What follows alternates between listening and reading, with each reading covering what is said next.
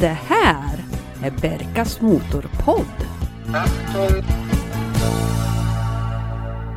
Varmt välkomna till avsnitt nummer fyra av Berkas Motorpodd. Och jag som hörs just nu heter Jörgen.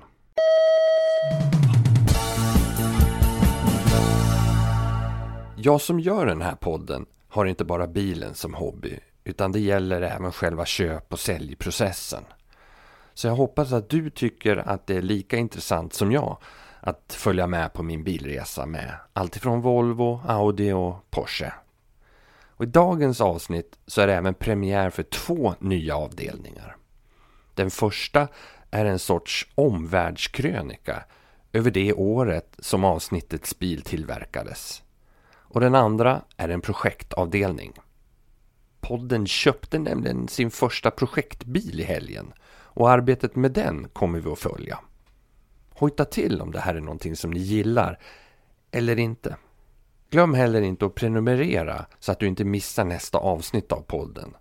Och känner du någon som har en rolig bil som du tror vill vara med eller om du själv har något kul stående i garaget så mejla mig på berkasmotorpodd gmail.com eller också så söker ni upp mig på Facebook eller Instagram. Nu kör vi! I backspegeln. Idag ska vi spola tillbaka Betamax-bandet till 1977. Och ta oss till ett oroligt Västtyskland för att hitta härkomsten av dagens avsnittsbil. Den 5 september 1977 kidnappades och senare mördades Hans Martin Schleyer som var VD för den tyska arbetsgivarföreningen.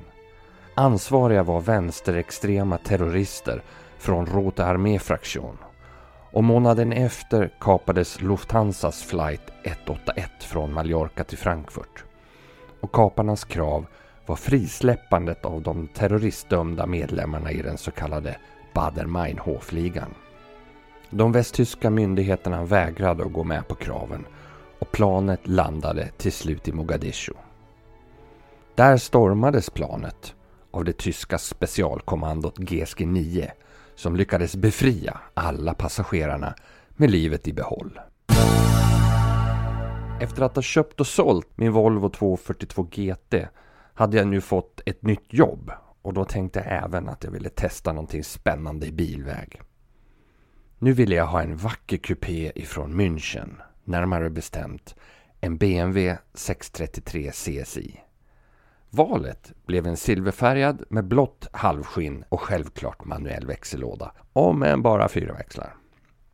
Modellen efterträdde 3.0 CSI och hade nu moderniserats med en större rak 3,2 liters sexa på 200 hästkrafter.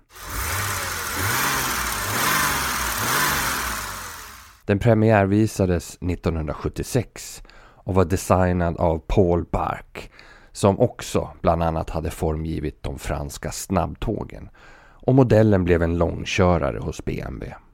Totalt byggdes 86 216 exemplar av 6-serien innan tillverkningen lades ner 1989 och ersattes med den V12 bestyckade 850. I vanlig ordning när det gäller bilköp börjar allt med en dröm. En sportig BMW med snygga former och en stark motor. Och den här gången så hittades objektet på de då så populära text-tv annonssidorna. Året var ju 1995 och man kunde alltså sitta timvis och glo på de här annonserna på text-tv. Man behövde vara snabb med papper och penna för att hinna anteckna telefonnumret till säljaren. Annars fick man tålmodigt vänta en sådär en 30-40 sidor innan slingan hade gått ett varv och annonsen dök upp igen. Innan så hade jag varit och tittat på en 635 i Stockholm som hade den ovanliga femväxlade sportlådan ifrån Getrag. Med ettan neråt till vänster, en så kallad dogleglåda, var pulsen skyhög. Men skicket var bedrövligt. Det var rost, fukt i golv och bulor efter sidorna som gjorde att jag avstod. Varv efter varv på text-tv avnjöts tills annonsen med rätt beskrivning och pris visades. BMW 633 CSI 77 Silvergrå AC Manuell Nybesiktad och skattad Pris 45 000 Jag ringde direkt Svarade gjorde en man med en norsk brytning och bilen fanns i Karlstad. Kommer du i helgen? frågade han ivrigt. Ja, kan komma på söndag. Great! Den 4 september 1995 laddade jag och pappa hans vinröda Volvo 760 Turbo till Karlstad. Och där fanns den. Skicket det var beskrivet som gott och det stämde, men det fanns vissa blämmor. Välservad och kändes ärlig. AC och elhissar fungerade som de skulle. Nu kommer köpråd nummer tre. Fråga alltid varför bilen ska säljas och gå på magkänslan om du tycker att svaret stämmer. Det gjorde jag och tur var det. Familjen skulle nämligen flytta till Schweiz och flyget skulle gå nästa dag. Allt var sålt och flyttat utom BMWn. Det var läge för prisförhandling. Begärt pris var alltså 45 000. Så jag drog till med 35. Och efter vad som kändes som en evighet så accepterades mitt bud. Och vinterdäck och papper skrevs. Jag var nu ägare till en BMW 633 CSI. Det visade sig att det här var en så kallad kändisbil. Efter lite grävande i historiken så visade det sig att ett bolag inom Polar och ABBA-sfären hade ägt bilen. Första ägaren var dock en byggherre i Stockholm som inte kan ha varit speciellt intresserad av att hämta ut sin nya 633. Han hade skickat sin sekreterare, för det var hennes signatur på alla dokument. Både Björn och Benny i ABBA var BMW-entusiaster och hade de här kupéerna. Och jag tror att även Agneta körde en.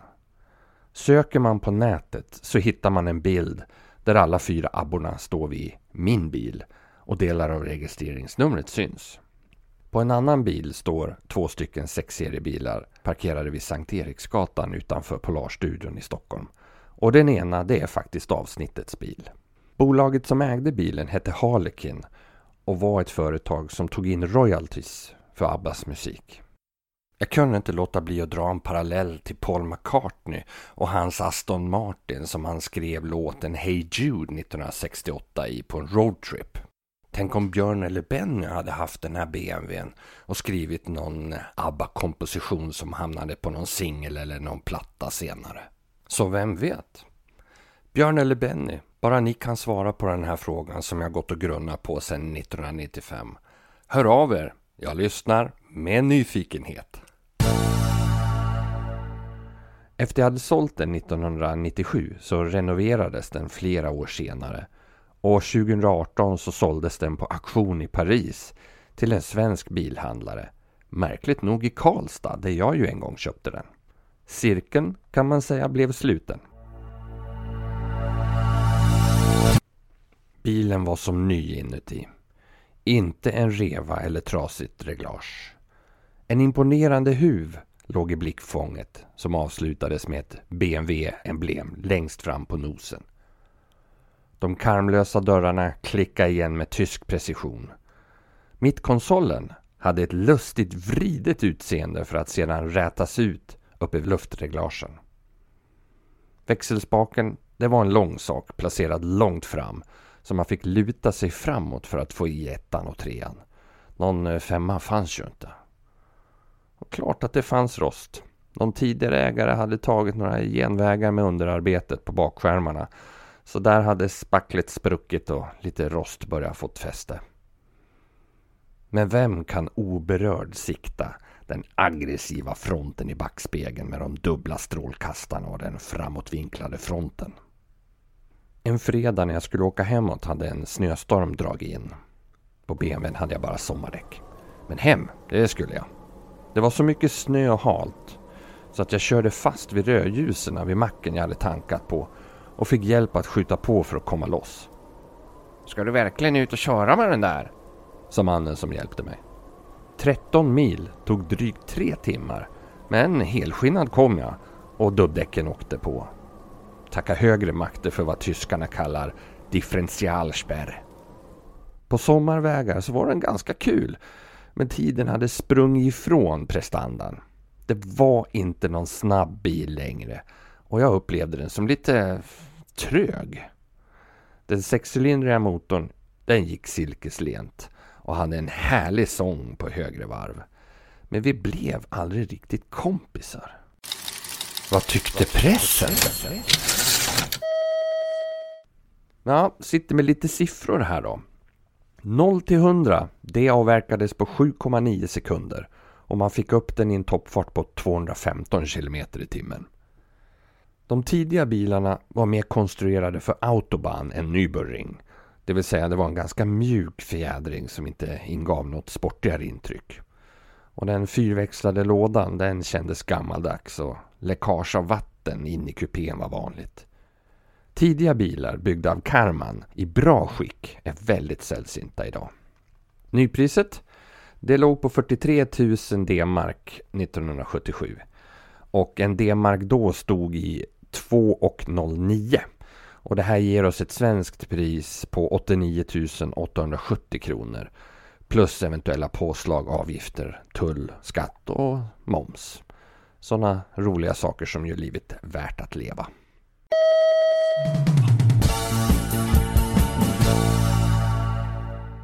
Det absolut största problemet som jag hade med den här bilen det var att motorn total havererade.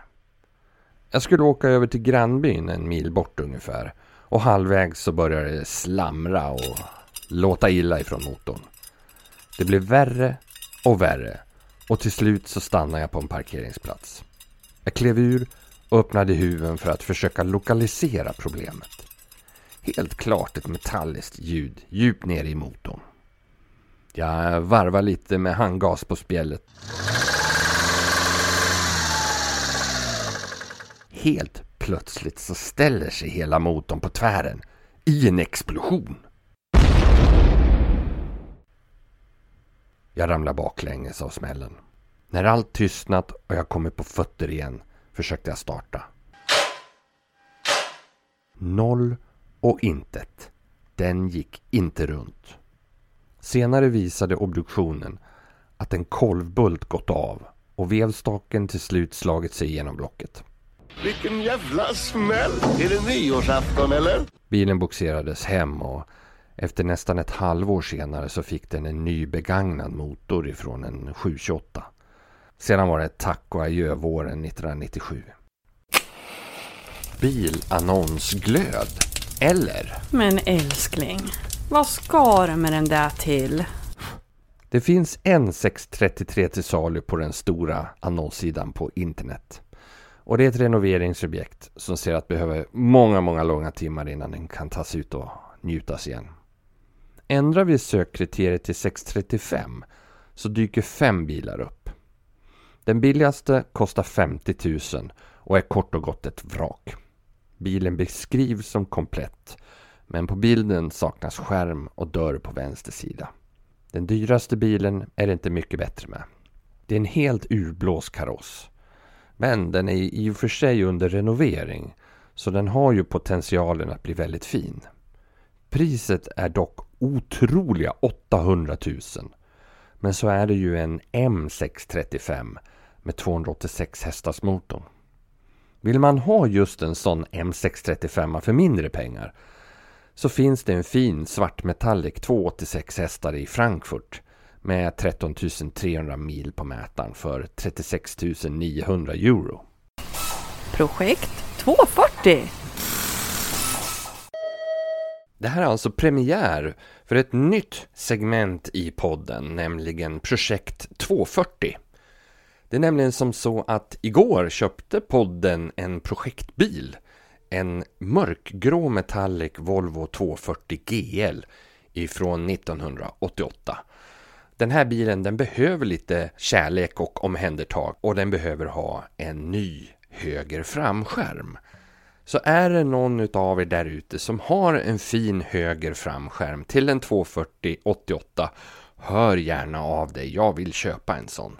Den behöver också gås igenom lite tekniskt. Jag bytte tändstift idag och ska byta bränsleledning uppe vid insprutningen därför att där läcker det helt enkelt och jag vill inte dra igång den här motorn innan den här bränsleläckan är tät. Bilen har inte haft så många ägare vilket ju är trevligt och det är en gammal dam som ägt den längst. Hon köpte den 1993 och sålde den förra året. Och sen har den stått i ett garage. Tills igår när vi sköt ut den och eh, rullade upp den på biltrailern för att ta hem den till mitt garage där den står nu. Inuti är den i princip som ny. Den har en eh, Volvo original stereo med tillhörande equalizer. Den är även utrustad med taklucka, vilket ju blir extra bra soliga sommardagar när vi ska köra med den här. Gå in på Youtube och eh, titta lite grann på filmen som jag har lagt upp där. Jag tänkte att det här blir en följetong med eh, detaljerad beskrivning av hur vi går tillväga för att väcka den här Volvon till liv igen. Den ska ju sen också putsas upp och rekonditioneras och det är lite rost på skärmkanterna bak som ska sorteras också innan den är helt fullt duglig för att eh, åka till besiktningen och sen ut på vägarna igen. Så Berkas Motorpodd har alltså köpt en projektbil, en Volvo 240 GL från 1988. Projekt 240!